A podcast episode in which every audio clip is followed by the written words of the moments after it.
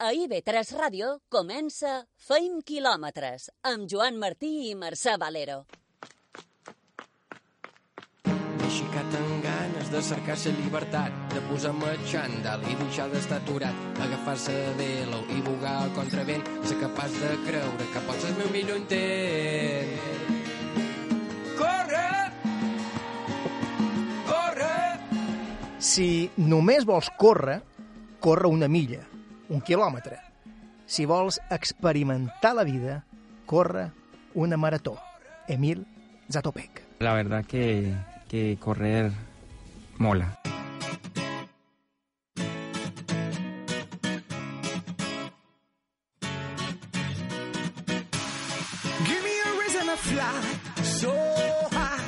Experimentarem la vida amb la segona edició de la Marató d'Eivissa. 2.100 atletes han participat en aquesta cursa, una edició de rècords. Passarem també pel triatló internacional de Porto Colom. 800 triatletes han participat en aquesta edició, la que fa 21, sens dubte, el gran clàssic de Balears. so give me a reason to party. I un clàssic és que Sebastiana Llevarés guanya la mitja marató de Pollença, tercera victòria consecutiva de l'atleta mallorquina.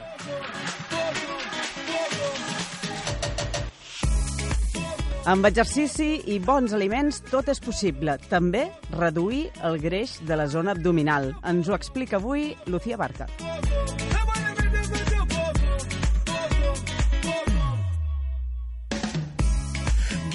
I tornem als clàssics. Avui, de postre, Gladiator, pel·lícula que gairebé no necessita presentació. En parlarem amb Carlos Sunyer.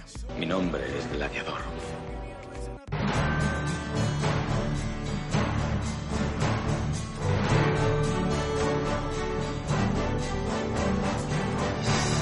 Som Mercè Valero, Ivan López, el control tècnic, i qui us ratlla, un servidor, Joan Martí.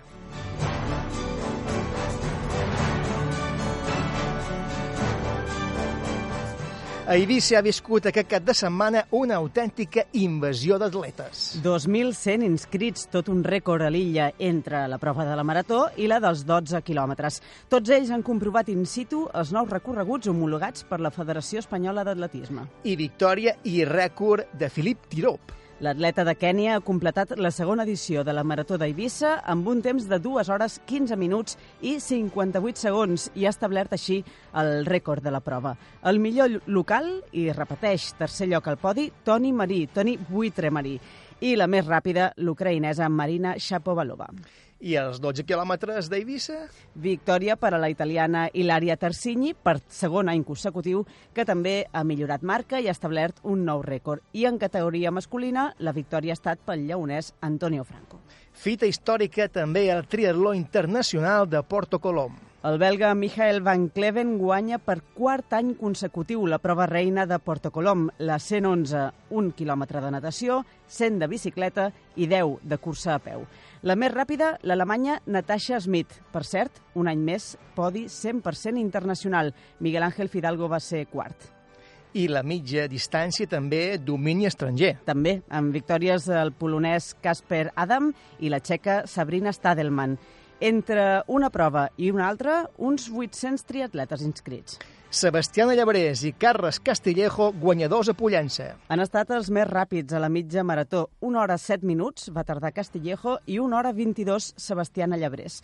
Als 10 quilòmetres, victòria de Tomeu Rigó i Lisaan Griffiths. I Javier Llorente i Núries Bert s'imposen a la cursa Corremó. Cursa de 10 quilòmetres amb una vuitantena de participants. I Joana Maria Canyelles i Simon Meat guanyen la pujada a la glòria. Sí, la cursa Romeria del Cocó de Lloseta, una cursa disputada dimarts passat i amb una vuitantena també de participants. I èxit menorquí al Montseny. Àlex Urbina i Javi Pons s'imposen en la modalitat de parelles de la cursa Ultra Trail Montseny, 75, 75 quilòmetres, amb un desnivell de 4.570 metres positius. Van arribar a meta amb un temps de 10 hores i 10 minuts. Segona cursa que corren junts i segona victòria. L'altra va ser a l'èpic Camí de Cavalls. S'entenen bé, en Sí. cursa. Per cert, Pere Rullan guanya també a Pastores de Portudera, a Astúries. Una prova de 26 quilòmetres que el Solleric va completar en 3 hores i 29 minuts. També corria Àngels Llobera, però en aquest cas la cursa de 40 quilòmetres, la marató, i va acabar quarta de la categoria sènior, setena absoluta, amb un temps de 5 hores i 34 minuts. Hola, són de Marga Fullana i aquí fem quilòmetres.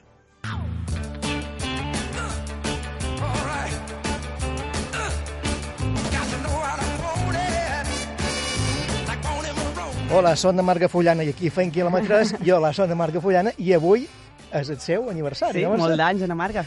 Molt d'anys de Marga Fullana que està inscrita ja i serà una de les atletes que participaran juntament amb la Sebastián Llebrés i Alejandro Sánchez Palomero eh, a la segona cursa, feien quilòmetres, nivell assegurat ja. Ja la tenim aquí, eh, serà aquest diumenge, dia 15 d'abril. Sí, ja la tenim aquí, però encara tothom és a temps d'apuntar-s'hi. Cursa de 10 quilòmetres amb sortida i arribada al passeig del Portitxol de Palma. Enguany és a benefici de la Fundació Rana, l'associació per l'ajuda a infants maltractats i que han patit abús sexual. Les inscripcions, ja ho sabeu, a la web d'Elite Chip. A més, farem la transmissió en directe de la cursa. Sí, farem un programa especial des de la zona de sortida i arribada, allà mateix, al passeig del Portitxol. I recordem també la novetat d'enguany, que també hi haurà versió infantil de la cursa fent quilòmetres. Per tant, no hi ha excusa. Des de 0 fins a 99 anys Exacte. o 102, tothom es pot apuntar. I a més de trobar-nos aquí, ja sabeu, per cert, els dorsals es podran recollir el dia abans eh, al Corte Inglés de, de Palma. Exacte. I a més de trobar-nos aquí, dèiem que a Beta Ràdio també som a la xarxa social. Sí, som a Facebook, a Twitter, a Instagram i a Spotify i també tenim una pàgina web, fentquilòmetres.com, on hi penjam notícies i les entrevistes que fem aquí en el programa. I com dèiem, també ens podeu trobar a Spotify, a, Spotify, a la llista FKM, Fent Quilòmetres, on hi trobareu tota la bona música que sona en aquest programa. I t'ha agradat, Mercè, la camiseta de la segona edició? Molt. És guapa. Mm, sí, sí. guapa. uh, I a la ràdio, a més, ens podeu escoltar els dilluns a les 6 o els dissabtes a les 7 des matí. Sí, ben prest, però és que és una hora que molts corredors i corredores eh, ens escolten perquè van, per exemple, cap a alguna cursa. I si no van cap a una cursa, aprofiten per entrenar escoltant Fent Fent quilòmetres. quilòmetres. Tenim xip. Tenim xip. Visca fent quilòmetres!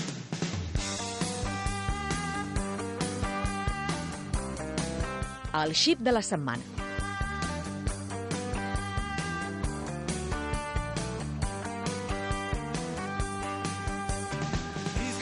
El xip de la setmana és el dorsal 926 i primera classificada guanyadora a la mitja marató de Pollença.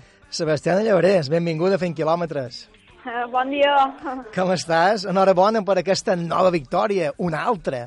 Eh? Sí, sí, moltes gràcies. Primera classificada amb un temps d'una hora 21 minuts 52 segons, si no vaig xerrat. Sí, va, ser, exacte. va ser una bona cursa. Sí, sí, va ser molt bona perquè van tenir bon temps, no mos va fer vent i un ambient moltíssima de gent. Després, quan passàvem per, per el poble de Pollença, la gent animava molt i sí, sí, va ser una bona cursa. Això sempre reconforta, ja que hi hagis públic que t'esperona. Sí, claro. És, és com un gel de més, això. Sí. Eh, Escolta, segona i tercera van ser Maria José Medina i Asma Zamú, eh, que van entrar a 5 minuts. Per tant, va Sí. ser, vas, vas anar tranquil·la tota la cursa, podrien dir. Sí, sí, més o menys vaig anar a un ritme que, que me sentia bé perquè veia que no, no tenia ningú a de, a de vora de, d'així dels lotes, vaig poder anar còmoda i la veritat que vaig arribar bé, sí, em vaig sentir bé. Sebastián, és el tercer any consecutiu que guanyes a Pollença. Has guanyat el 2018, el 2017, el 2016 i el 2015 vas fer segona. I enguany fins i tot has fet millor temps que l'any passat, no? Um, com, com és això? Cada any millores, tu, no? Sí, va, vaig fent anys, però uh, me va anar bé, estic millorant les meves marques que, que tenia i no sé, me sent bé, que, que és lo important, i que vaig millorant les meves marques. Escolta, després de guanyar el 2016, després de guanyar el 2017 a la mitja marató de Pollença, enguany te ves amb un poc de pressió, la gent te deia, enguany la tercera. Sí, bueno, això també t'ho diuen i, i, i antes de, de partir, ah, i, i tornaràs a guanyar, i, i jo sempre dic que això no se sap mai, perquè a vegades sempre algú pot estar més bé que tu, o aquest dia tenir un mal dia i no trobar-te bé, i, i clar, i te donen un pot de pressió amb això. Amb Però qual- bueno, L'exigència és més gran. A més, les que venen darrere també pitgen fort, com Sí. la Maria José Medina, Onàs Masamú, que, que fa poc que corre també, però déu nhi també, sí, també dona no, guerra. no, no, sí, sí, són unes atletes que, que corren moltíssim, sí, sí, i posta que mai, mai se sap això. Quan és una carrera pot passar moltes coses, Esco- i mai se sap. Escolta, Sebastiana, ahir vas guanyar a Pollença per tercer any consecutiu, però la temporada ha començat molt bé. Per tu, quina valoració fas? Bueno, jo, eh, la meva valoració és perquè eh, jo, jo sempre dic que els entrenos eh, me trob bé, eh, els faig a gust, i, i veig que de cada pic vaig fent anys i, i, me, va, i me va millor, i clar, i això sempre t'anima a, a seguir. I, i, i clar, se, sempre dius que bé, estic, estic entrenant igual, però me va millor i, i no sé, jo estic contenta i de cada, de, de cada pic me trobo millor i, i estic bé. Eh, Sebastiana, l'any passat vas guanyar la primera cursa fent quilòmetres i enguany és tot un plaer anunciar que també seràs a la sortida de la segona edició d'aquesta cursa fent quilòmetres enguany a benefici de la Fundació Rana. Et tornarem a veure guanyadora? Bueno, com jo dic, això mai, mai se No sap, no- no? no- Vol, no- ja me donau pressió, ja me donau pressió. Dic, no, dic, això mai se sap, però bueno, Per jo no- intentaré fer el més bé que pugui. És una, és una carrera que, que també ja veuràs, eh, de cada pizza la gent s'anirà animant i una carrera molt guapa que jo diria a tots els corredors que si la poden fer que la facin i bueno, ja veurem el que surt després. Ja veurem, ja veurem. Per, en qualsevol cas, eh, eh, sigui com sigui per nosaltres, és ben cert que és tot un plaer que hi siguis, perquè l'any passat mos van passar molt bé, que és el més important, i a més a més és una cursa solidària, i ja ho diuen, lo important és participar, també guanyar està molt bé si un va guanyar, però ser-hi tots i riure. Sí, exacte, que la gent eh, quan va córrer s'ho ha de passar bé i la- després quedis aquí quedis és igual, però només de veure l'ambient que hi ha i xerres amunt i xerres en l'altre i no sé, i es passat-s'ho bé. I d'oi diumenge, com que també farem el programa en directe, abans de partit, fem una xerradeta i, i comentam com, com arribes a la sortida. Vale. Allà serem, allà mos veurem. Vale, doncs. Moltes gràcies. Moltes gràcies, Sebastiana, per haver estat avui al xip de la setmana. Enhorabona, molta sort i mos veiem diumenge. Vale, d'acord, gràcies a vosaltres. Adéu, Adéu. adéu, Adéu. adéu, adéu. Ara nosaltres seguim amb Lucía Barca. L'avituallament.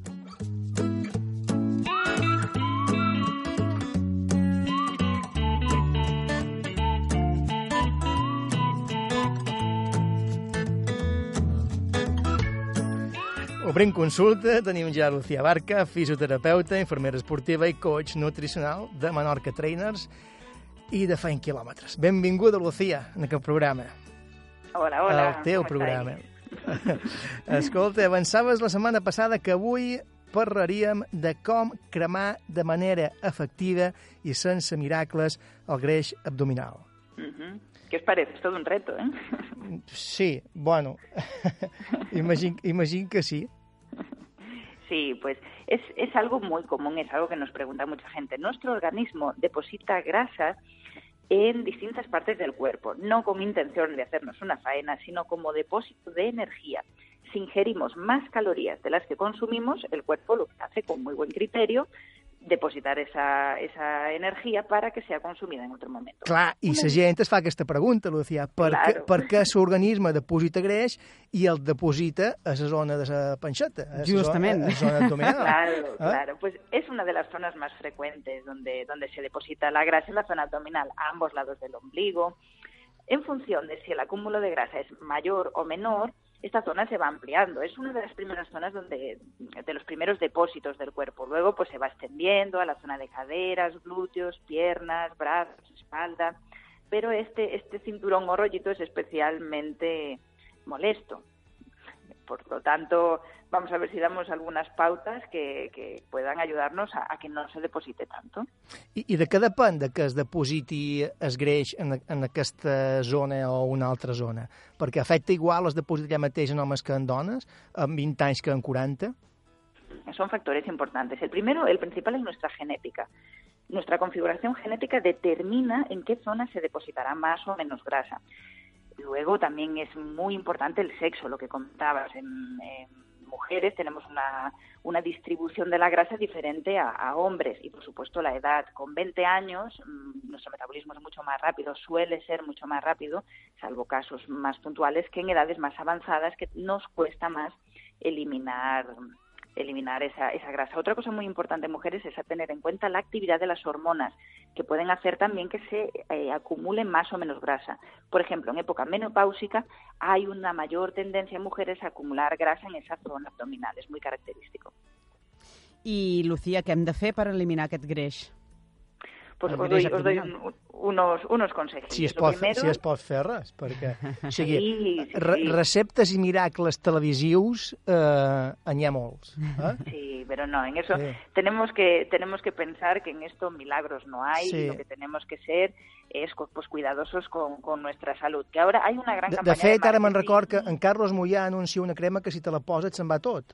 Desapareix. Sí, hay muchos de estos ¿Eh? productos milagro a un precio alto que nos vamos a dormir, nos lo ponemos y nos levantamos estupendos. Yo tengo mis dudas, permitirme que, que dude un poco de esto. Yo por si acaso os voy a dar unas, unas pautas gratuitas que podéis hacer en casa Sí, y aparte van a ser beneficiosas para la salud. Lo primero, lo hemos dicho mil veces, comer sano. Reducir al máximo los azúcares y las grasas malas. Habréis oído la frase de que los abdominales también se hacen en la cocina. Por mucho que hagamos ejercicio, comemos bien, nuestro cuerpo acumulará ese excedente y tendremos más grasa abdominal. Lo que siempre decimos, realizar cinco comidas. La merienda y la cena son muy importantes y deben ser ligeras. El cuerpo sabe que va a dormir, por lo tanto que no va a gastar. Por lo tanto, algo a la plancha como carne o pescado con verduras, una tortilla o una ensalada es suficiente. Otro consejo importante, movernos, como ya más o menos preveíamos. Haz que tu cuerpo consuma las reservas, es decir, genera masa muscular para aumenta- aumentar el consumo, definir la figura. Por ejemplo, nosotros aquí en Menorca Trenes trabajamos mucho con, con- con este tándem, ¿no? Dieta equilibrada y luego sesiones de, de entrenamiento para, para ayudar a estas personas que quieren ponerse un poquito en forma. Luego, otra técnica que se está utilizando mucho para el tema de, de la zona abdominal son los hipopresivos, que habíamos com- comentado, habíamos hablado de ellos en alguna ocasión para mm, tanto corregir la postura como hacer la lumbar, como el tema del suelo pélvico, pero también tienen otra aplicación bastante importante, que es en el mundo de la estética, pues que ayudan a reducir cintura considerablemente por esa activación de la musculatura profunda de eh, abdomen y, y pelvis. Y luego lo que, lo que comentaba Joan, súper importante, huid de los productos milagro. No hay trucos mágicos que te hagan perder barriga estando sentado en el sofá. Solo quieren quitarte tu dinero. En este caso, la única opción es irnos a visitar a un cirujano plástico y que haga una liposucción, un abdominoplastia, una lipoescultura. Del resto mm, es trabajo, dedicación, comer bien y cuidarnos. I tampoc no ho recomanem. Eh? Y tampoco, no, no. Hombre, para el que quiera siempre están esas opciones, pero bueno, si lo podemos hacer de manera, eh, siguiendo estos pasos, de manera más sencilla, re- realmente es más saludable para nosotros. Pensar que al final cuidar la estética está muy bien, pero sin salud no hay nada. Ah, I tant. I més enllà dels hipopressius, eh, hi ha altre tipus d'exercici que es pugui fer per, per reduir el greix abdominal? No sé si abdominals Sí. normals o, per exemple, anar a córrer serveix per reduir específicament el greix abdominal? Todo, todo, todo sirve. Por supuesto, correr es una actividad aeróbica buenísima para ayudar a conservar, a ayudar a, a reducir, perdón, las, esas, esos depósitos de grasa. Toda actividad aeróbica que podamos hacer nos va a ayudar a, ir quemando, a ir disminuyendo. Correr es fantástico. Nosotros también lo complementamos mucho con entrenamientos de carrera. Y luego, con, ¿os acordáis que hablamos alguna vez de esos entrenamientos tipo HIIT, de Sí. High Intensity Interval Training? Van fenomenal solo que activamos muchísimo y hacemos que, que nuestro organismo consuma esas reservas. Al final lo que tenemos que buscar son actividades con, con intensidad, siempre en estado de, en, en función de nuestra salud, de nuestro estado físico y siendo progresivos, pero buscar una actividad que nos, que nos active i que nos, que nos haga quemar. Mm -hmm. Molt bé. Escolta, Lucià, diumenge tenim eh, segona edició de la cursa fent quilòmetres. T'esperam, eh? Oh, por supuesto, no me lo perdería por nada. Ahí estaré como un clavo. Però vindràs a córrer o vindràs a xerrar? Iré a hablar, iré a hablar. no me perderia por nada. És que tu, clar, no has de, per no has de, no has de perdre greix, estàs en forma, estàs, estàs preciós. Escolta, de, de, de què morrellaràs? Pues mira, eh, hablaremos de cómo mejorar los ritmos, la velocidad de carrera. Ah, molt bé. Muy, Sí. muy adecuado, ¿no? Para, para Sí, hablar sí. durante una carrera. Com millorar el ritme i la, i la velocitat de carrera? Mhm. Sí, el que passa que això no ho podran aplicar el mateix dia. Supos que de, de, de un procés de preparació. O, o ja el mateix dia pot servir. Os lo cuento el próximo día. Diumenge matí a les 10 i mitja, en aquest programa especial Fent quilòmetres, m'ho expliques. Claro que sí. Molt bé, Lucía. Bueno, buena Eh, semana y una abrazada I mos veiem diumenge. Eh? Claro que sí. Adéu, gràcies. Adiós. I ara farem una aturada i tornem tot d'una. Zona d'avituallament. Tot d'una continua, feim quilòmetres. Continua, feim quilòmetres.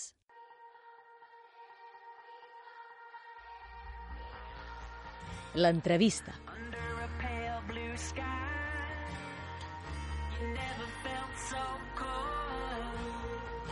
Another sleepless night. How could you ever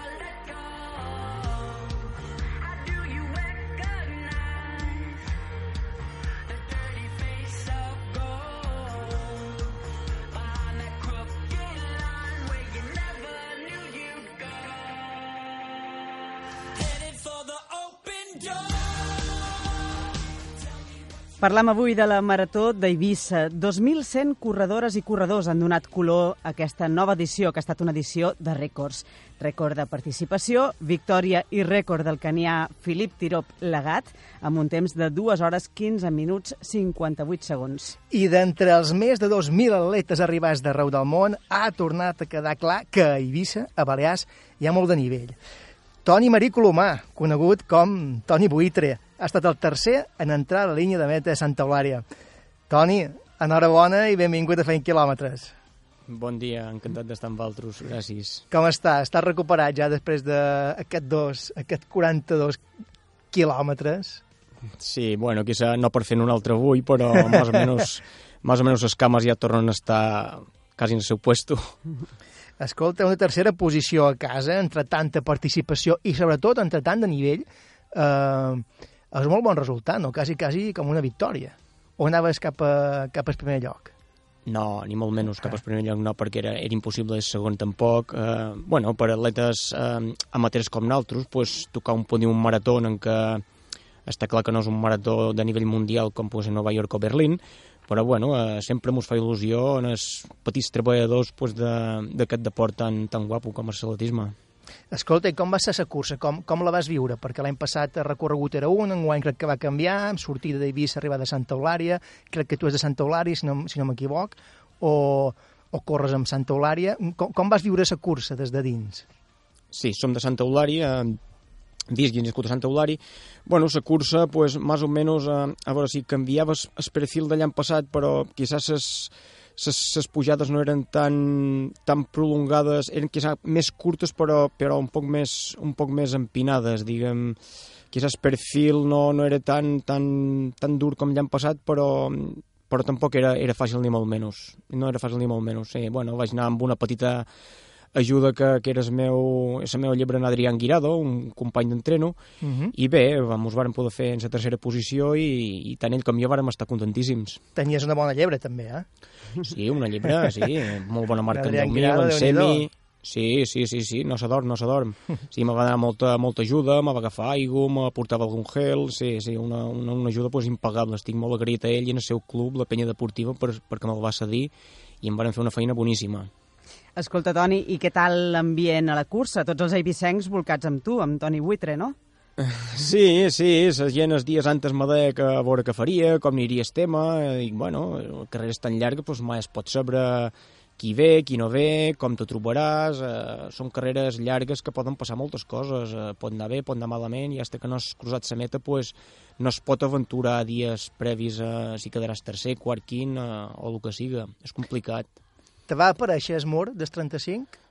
Uh, sí, més o menys. Va aparèixer més o menys cap al quilòmetre 37, això vaig tenir una petita crisi, però bueno, jo, això són, són coses que passen a tothom. Uh, el corredor que venia quart era un britànic, eh, era un xaval, un veterano A, que també era una mica dur i tal, i el duia 40 segons, però bueno, eh, no, es pot, no es pot dir que un ha fet pòdium o, o qualsevol posició hasta que, hasta que no, no s'ha passat la meta no, no es pot dir res, no es pot dir res. Uh, quina puntuació li poses en aquesta cursa? Jo en aquesta cursa li posaria, vamos, és que li posaria un, un 10 però rotund, perquè mm, a veure, no, no va faltar de res, eh, va ser una organització sense pal·liatius, vull dir que van estar molt volcats en sa gent, eh, tot, tot va anar de primera, i aquesta gent de, de Talentum, pues, eh, aquesta carrera li va sortir de 10 com totes les altres que fan per València i algun altre més que tenen no sé per on, però, però saben el que toquen i el que fan. Molt bé, Això- molt bé per ells. Això estarà content de sentir-ho també en Francisco Larrey, director de carrera. Enhorabona, Francisco, per aquesta segona edició. Bon dia, home. Moltes gràcies per les paraules de Toni i, i sí, sí, muy contentos, la verdad. Escolta, heu augmentat un, amb un 15% la participació respecte de l'any passat. Suposo que esteu satisfets, no?, amb com ha sortit tot. Pues la verdad es que ahora haciendo el balance final estamos muy satisfechos. Como bien dices, hubo un crecimiento de censo que ya es importante porque cada vez más la gente va hablando de Ibiza y de turismo deportivo en Ibiza, pero luego también yo creo que el día nos salió pues que todos los astros se alinearon porque no hizo calor, el calor que hizo el año pasado, el viento también inclusive paró, estábamos por debajo de 19, 18 grados y cada vez que pasaba la tarde pues iba enfriando más. Y bueno, pues se dieron una serie de circunstancias para que deportivamente pues consiguiéramos algo que ha sido inédito, que es bajar más de tres minutos la marca eh, i el crono de l'any passat, no? Mm. Han tingut rècord. Escolta, eh, Francisco, i per què vau decidir aquest canvi de recorregut? Bueno, un poco escuchando todas las eh, opiniones de los corredores del año pasado, la parte de bajar y subir por la misma carretera principal, la de Ibiza, Santa Eulalia, pues psicológicamente también se les hacía más duro y también para potenciar más la parte de Ibiza, ¿no? Tener una salida debajo de Dalvila, patrimonio de la humanidad, poder tener esos seis, siete primeros kilómetros por, el municipio de Ibiza, pues es algo que al corredor eh, le ha gustado muchísimo, ¿no? Y a partir de ahí, pues ya buscar una zona eh, que fuera a la auténtica o zona más rural, más más interior no de Ibiza pasando por Santa Gertrudis que la verdad es que fue algo muy emocionante. Allí la gente que había en los bares se volcó a animar a los corredores y luego buscar una zona muy de campo pinos con esas sombras naturales pues desde la parte de Santa Gertrudis por todo el camino donde está el carnet de conducir hasta llegar a Santa Euralia no y la última parte de Escana con la parte más de playa pues para buscar ese aliciente al, al, atleta internacional que viene que quiere ver también el mar. Y con todo esto buscar vías paralelas a la, a la circulación que no tuviese tanta afluencia de coches y permitir pues eh, tener el mínimo de, de impacto a, a, los ciudadanos de aquí, ¿no? Que no que no se vieran en ningún momento con tráficos o, o con carreteras cortadas. Toni, imagina que aquest moment que comentava ara en Francisco és un dels moments més emocionants, no? Quan veus que tota la teva gent eh, t'anima, te dona suport, t'esperona, deu ser quasi com, com arribar a meta, no? Sí, així és. I no només arribant, sinó per tot el circuit pues, sempre es troba algun companyer pues, d'entreno, de, de, de fatigues, d'amistats fora de, de l'esport, i sí, quan, quan ja s'arriba allí a la meta, a 700 metres últims de, de passeig marítim, pues, que és on més gent ha, pues, no vols que, no vols que s'acabi mai. Però bueno, també hi ha ganes de, de traspassar la meta i, i descansar una mica, que tot hagi passat un poc ja, descansar un poc, i res, res, tot, tot, tot, tot perfecte. Eh, Francisco, ha funcionat bé eh, el run and feel, aquesta combinació dels de, 12 i els 42 quilòmetres? La verdad es que creo que es un poco el éxito de esta carrera, ¿no? Hay muchísimas competiciones, como también decía Tony anteriormente, cada uno lleva su estrategia de diferenciación, pues Valencia, digamos, o Sevilla son circuitos muy, muy planos, y aquí es, la experiencia de vivir Ibiza, Run and Feel, es la única carrera sábado por la tarde, es el único maratón que hay un sábado por la tarde, que permite pues que el domingo, ayer yo me daba una vuelta, ¿no? Y veía a la gente en los restaurantes, en las playas, algunos los más valientes bañándose, al final es una experiencia no solo de la carrera, sino de dos, tres días en la isla de Ibiza. Los días previos pueden ir a- al Palacio de Congresos a, a- a re- a recoger sus dorsales, sus camisetas. Y bueno, solo hay que ver la foto ¿no? de la salida de la 12K con más de 1.400 corredores, donde no cabía casi un alfiler. ¿no? Era- Això és un èxit, això és un rotund, sí, sí, sí. Sí, sí. Y ellos mismos eh, luego iban, eh, digamos, animando a los maratonianos en la última parte, en los últimos 12 kilómetros, que son los más exigentes, donde, como comentabais, suele aparecer el muro. Pues bueno, eh, esa masa de gente, de corredores que pueden animarte, ayudan al maratoniano a llegar a la meta. Y al final la meta y la posmeta pues era una fiesta. Eh, la verdad es que fue algo espectacular, muy emocionante. el temps va acompanyar i que tot vagi ser un èxit convida que si enguany heu estat un 15% respecte a l'any passat, aquestes expectatives cresquin respecte a l'any que ve. Ja heu començat a preparar la tercera edició? Sí, la verdad es que a partir de mañana ya definiremos si es el día 6 de abril o el 13. Estamos viendo por tema de, de otras carreras, de calendarios, de conexiones aéreas.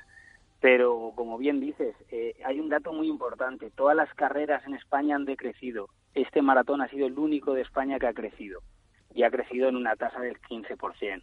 Es algo que, tenemos que seguir trabajando durante todo el año no, no es casualidad que, que venga más gente, es pues ir a muchas ferias, hacer mucha promoción en revistas especializadas, en, en medios especializados, a nivel online. Hay muchísimo trabajo detrás. eh. Se trabaja durante todo el año para que al final el maratón pues pueda tener este crecimiento, esta organización y no falten detalles. I res, no hi ha res que sigui fruit de l'atzar. Francisco Larrey, director de la Marató d'Eivissa, moltes gràcies per haver estat eh, avui a fent quilòmetres i enhorabona per aquest èxit i molta sort per l'any que ve, per la tercera edició. Muchas gracias y enhorabuena también a vosotros por vuestro trabajo. Moltes Gracias. gràcies. Gràcies, Francisco. Gràcies, Adéu. Toni. I ara quin és el proper repte? Bueno, ara quizá desconnectaré un mes, un mes de, de atletisme i després ja començaré a mirar a mirar de començar a entrenar per, per la semimarató de, de València, que és el 28 d'octubre, i després, eh, en, su prepar, en su preparament d'aquesta carrera, segurament faré el marató de València, que serà el 2 de desembre. Sí, de moment, de moment faré aquestes carreres. Toni, també sempre corre damunt asfalt. Eh, també, també corres per muntanya? No, no, no, no, no, no només, només a veure, muntanya he fet alguna carrera així més curta, però m'agrada l'asfalt, m'agrada sentir sentir l'asfalt, sí, no, muntanya no em fas mica. És allà, és allà on és ràpid. Eh? Bueno, ràpid, me defens un poquet més, més que ràpid, ràpid són els que van guanyar, jo ja bueno, m'apany com puc. Eh, Déu-n'hi-do, vas fer dues hores eh, 40? 42 minuts, sí. Això és ràpid. Eh? Sí, bueno, però per circuit que era tampoc, Clar, no vaig clar, a tirar clar. pedres al meu terrat, sí, no, no està mal, és no està mal, no està mal, de, damunt la preparació que dues, no, no està mal. No està Escolta, Toni, una pregunta. Toni Buitre, de què, Sí. de què ve aquest, aquest, aquest eh, sobrenom de Buitre? Bu, això, això ve de, de quan en, en Butragueño era... Ja m'ho pensava. Sí, sí, sí, sí, sí, jo també era futbolista en aquells entonces Ah, i sí, clar, un amic m'ho va posar i Buitre se me va quedar per, per la vida, ja, sí, sí. Ja, era, sí. ja eres ràpid dins el campi, do, eh? Bueno, diguem que era un tuercebotes normal de per aquí. De... Sí, Eres- sí, sí. Eres el rei del metro quadrado, també te n'anaves, com el Buitre. No, ja hagués vingut, ja, ja hagués vingut. Molt bé, moltes gràcies, Toni Marí, Toni Buitre, per haver estat avui aquí a, a Feint Quilòmetres. Et desitjam el millor amb les curses que faràs també ara i, i res, enhorabona una altra vegada per aquesta, per aquest tercer lloc, aquesta segona edició de, de la Marató d'Eivissa. Moltes gràcies. Jo també voldria agrair a totes les institucions que han fet possible aquesta carrera, part de Talentum, de tot el nivell que tenen i tal, tot el Consell Insular, ajuntaments, especialment el meu, que és de Santa Eulària, tots els voluntaris, protecció civil, tots els aiguadors i, i gent que per part amb això i ha col·laborat, doncs, moltes gràcies i també enhorabona per ells. Gràcies. I gràcies a Valtros. no. Toni, moltes gràcies. Salut a quilòmetres. Una Salut, abraçada. salut. Adéu, adéu. Adéu. I nosaltres ara eh, anem al cine. Zona d'avituallament. Tot d'una continua, feim quilòmetres. La pel·lícula.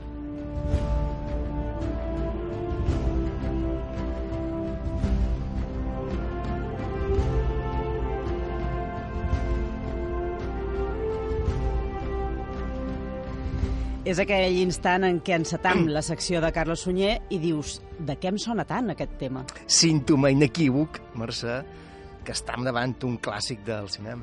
Un clàssic que, per cert, enguany compleix la majoria d'edat. Com passa sí. el temps. Eh? Parlam de Gladiator, pel·lícula de gènere Peplum, dirigida l'any 2000 per Ridley, Ridley Scott i protagonitzada per tres grans, Russell Crowe, Joaquin Phoenix i Connie Nielsen, entre d'altres. Però per parlar-ne tenim ja els estudis de Ibeta Ràdio la persona ideal. Per això, corredor, alpinista, crític literari i amant del bon cinema. Carlos Sunyer, benvingut a Fent Mol- Quilòmetres. Moltes gràcies. Benvingut al teu mai, programa. Mai eh? m'habituo en aquesta presentació, eh? Moltes gràcies. Primer de tot, què hem d'entendre per gènere peplum o peplum i, i després, per què Gladiator? Molt bé. Uh, per gènere peplum, que en principi té una connotació quasi més uh, pejorativa, no? Mhm. per la quantitat de pel·lícules que es varen fer, que eren com a rèpliques, còpies d'aquelles que eren de- d'espases i sandàlies, no? que n'hi ha per regalar, però hi ha joies també. Parlant d'un tipus de cinema que és històric, d'aventures, especialment ambi- ambientat a l'època romana, o més bé mm, greco-romana, no? i, i d'aquí varen partir també iniciatives cinematogràfiques eh, molt interessants.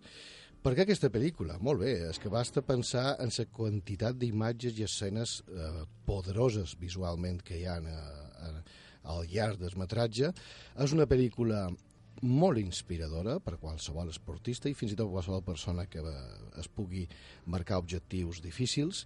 És eleccionadora, és un referent constructiu per als lluitadors i per als guanyadors. Pensem que la base de l'argument és una resurrecció, és a dir, la força del personatge és immensa perquè aquesta força està multiplicada d'un triomf partint des no-res, és a dir, és, és l'ave Fènix, és, una, és un personatge totalment derruït, derrotat, acabat, i no obstant aquesta capacitat de recuperació i de, i de lluita i de triomf fa que sigui una lliçó per qualsevol persona.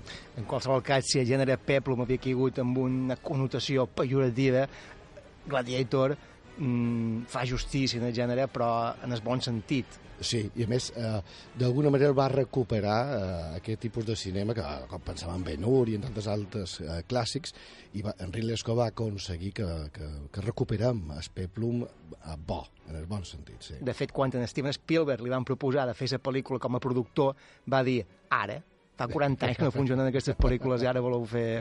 Uh, Efectivament. No obstant, va funcionar. Va funcionar.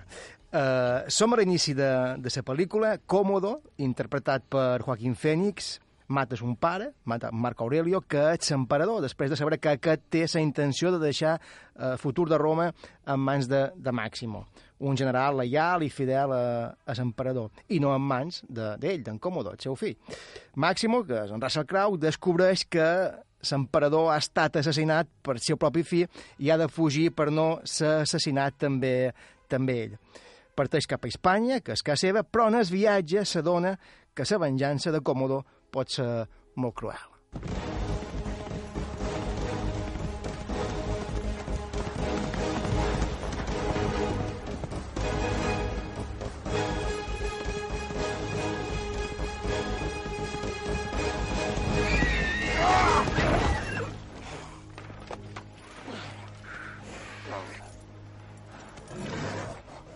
I aquí comença tot, una cursa a cavall i contrarrellotge que no ha evitat la venjança. Sí, a més és una escena molt potent, és una de les més poderoses de, de la pel·lícula. A més, està realitzada amb un paral·lelisme molt interessant que reforça el lirisme i el suspense de la situació perquè d'alguna manera nosaltres, amb el personatge, tenim la convicció de que hi ha una desgràcia pròxima. I què fa en Rilesco? Fa una, una mena de vot crono cronològic notable, de manera que aquest paral·lelisme no és, eh, a nivell de temporal, no, no és equidistant, sinó que són dues situacions cronològicament diferents, però les vivim com si fossin paral·leles. I això fa que aquesta tensió que sent el personatge, aquest eh, corre, que és anar amb el cavall, que, eh, aquesta, aquesta necessitat d'arribar, però a la vegada no vol arribar, perquè eh, ja és conscient de la salta probabilitat de trobar-se amb una desgràcia, fa que, que l'escena sigui molt poderosa. Eh, Màximo és capturat, és convertit en esclau i d'esclau a gladiador. I és eh, sent gladiador com es guanya el respecte. Molt aviat posa en marxa les seves dots d'estratega i bon general. ¿Alguien ha estado en el ejército? Sí. Yo, sí. Yo también. Y yo. Luché a tus órdenes en Vindobon. Tú ayúdame. No sabemos a qué nos enfrentamos. Pero es más fácil que sobrevivamos si peleamos juntos. ¿Entendido? Sí, sí, de acuerdo. Bien. Manteniéndonos juntos sobreviviremos. presentaros a los legionarios de Escipión el Africano.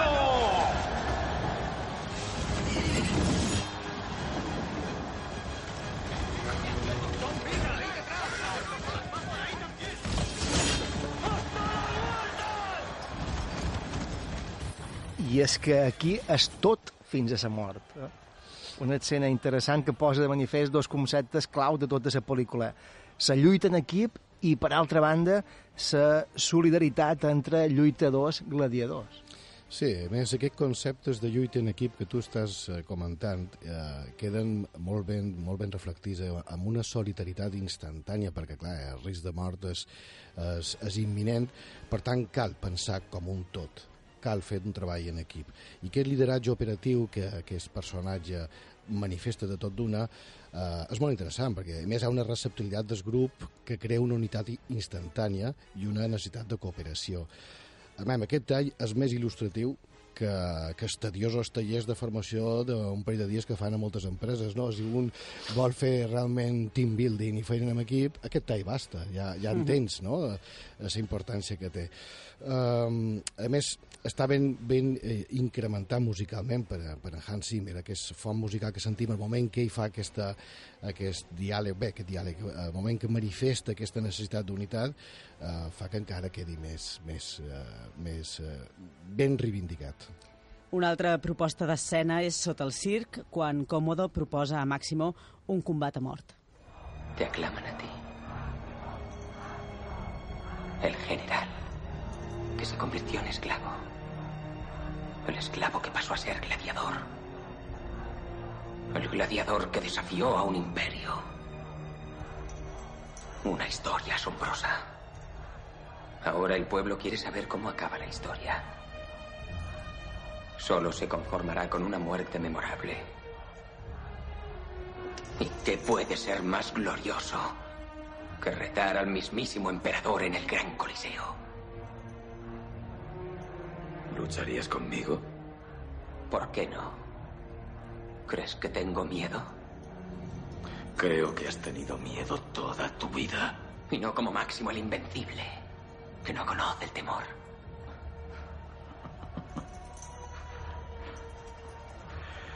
Había un hombre que decía, la muerte no sonríe a todos. Así que devolvámosle la sonrisa. Y dime, ¿tu amigo le sonrió a su propia muerte? Tú debes saberlo. Era tu padre. Que bo.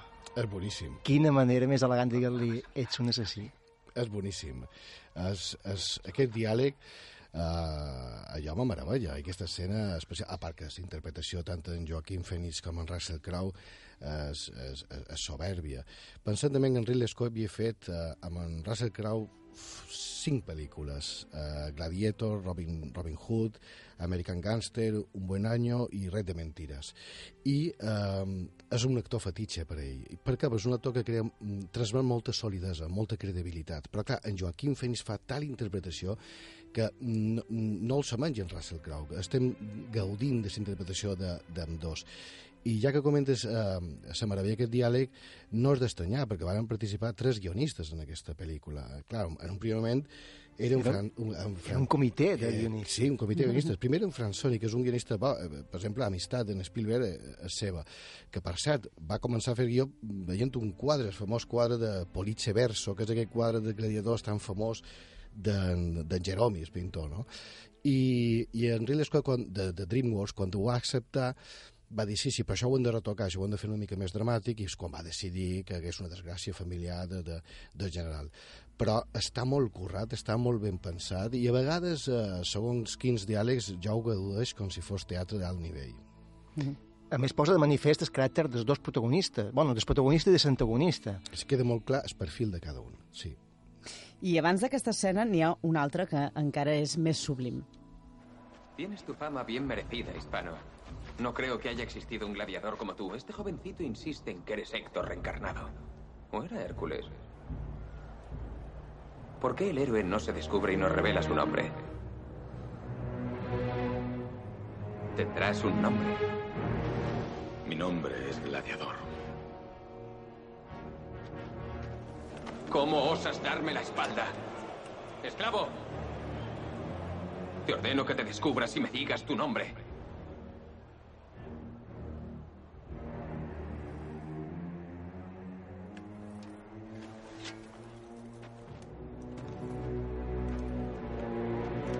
Me llamo Máximo Décimo Meridio, comandante de los ejércitos del norte, general de las legiones Félix, leal servidor del verdadero emperador Marco Aurelio, padre de un hijo asesinado, marido de una mujer asesinada, y alcanzaré mi venganza en esta vida o en la otra.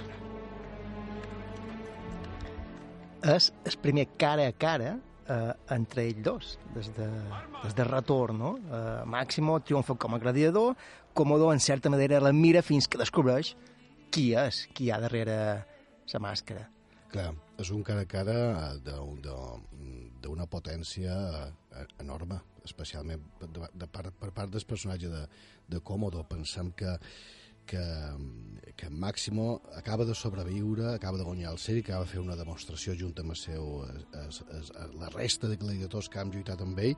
Per tant, tots els ànims estan aixecats. El poble, és a dir, el, el Coliseu està amb ell en aquell moment i també en Còmodo, però ara què? Clar, en Còmodo d'alguna manera es, es vol identificar en l'heroi, cosa que és Còmodo mm, de la vida, de la història real també ho, ho feia de, de manera molt, encara més patètica, per cert. I aquest, aquest moment en què ell fa aquest discurs on, on deixa molt clar l'enorme poder, poder interior que té i la necessitat de venjança, això desrostra, això deixa desquiciat, deixa debilitar completament en Còmodo. A a més, és una proclamació que fa allà, allà no? Nosaltres necessitem, a, més, aquest aixecament, aquesta reivindicació. I basta un simple gest d'en Còmodo per, perquè el matin. I és boníssim la necessitat de fer-ho, però clar, fer-ho és anar contra els pobles, anar contra aquesta gent que ara mateix està eh, eh, eufòrica per, per eh, reivindicar l'èxit d'aquest gladiator. No? Per tant, aquest, aqu- i aquesta interpretació que fa en, en d'una- d'un moment tan difícil per un personatge que necessita acabar immediatament amb qui de sobte ha, ha sortit de seu mal son més potent, eh, és, és, és magnífic, no?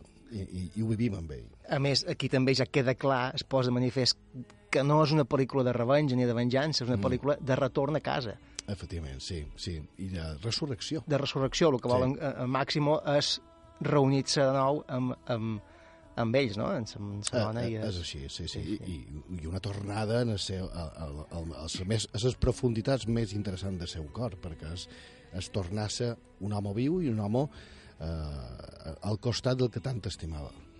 I la banda sonora, com totes les de Hans Zimmer, també mereix menció especial.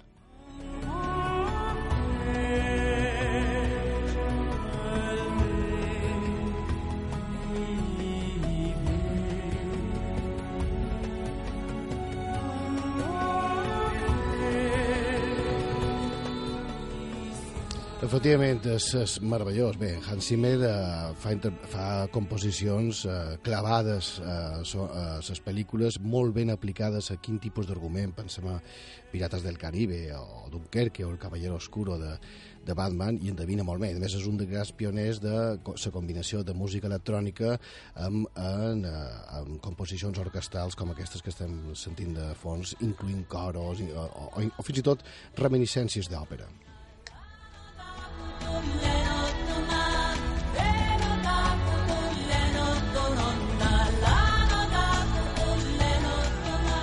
I a més aquests coros així quasi, quasi afroafricans, no? Sí, una- una mica tribals, Sí, una mica tribals, sí. es mesclen amb, amb la música aquesta de tensió. Curiós perquè eh, Hans Zimmer no va guanyar l'Òscar amb aquesta, amb aquesta banda sonora. Mi- mi- No només ell, sinó eh, el pobre Russell, eh, perdó, Russell Crowe, no, el pobre Ridley Scott.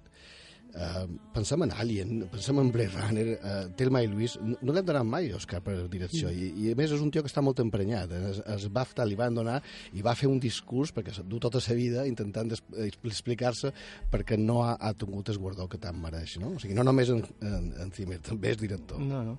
Gladiator, pel·lícula de l'any 2000, dirigida per Ridley Scott i protagonitzada per Russell Crowe, eh, Joaquin Phoenix i Connie Nielsen, que enguany fa 18 anys ja. Sí, i Òscar, això sí, a la millor pel·lícula, el millor actor, el millor disseny de vestuari, millor so i millors efectes visuals. Moltes gràcies, Carlos Sunyer, per carregar també, avui. Ah, bo, és aquesta pel·lícula. Sí, i tant. T'esperem la setmana que ve. I no me sembla que hagi passat tant de temps allò. Eh? De, No ho sembla, eh? Però va cap als 20, ja. Va cap als 20, sí. sí, sí. Adéu. Adéu.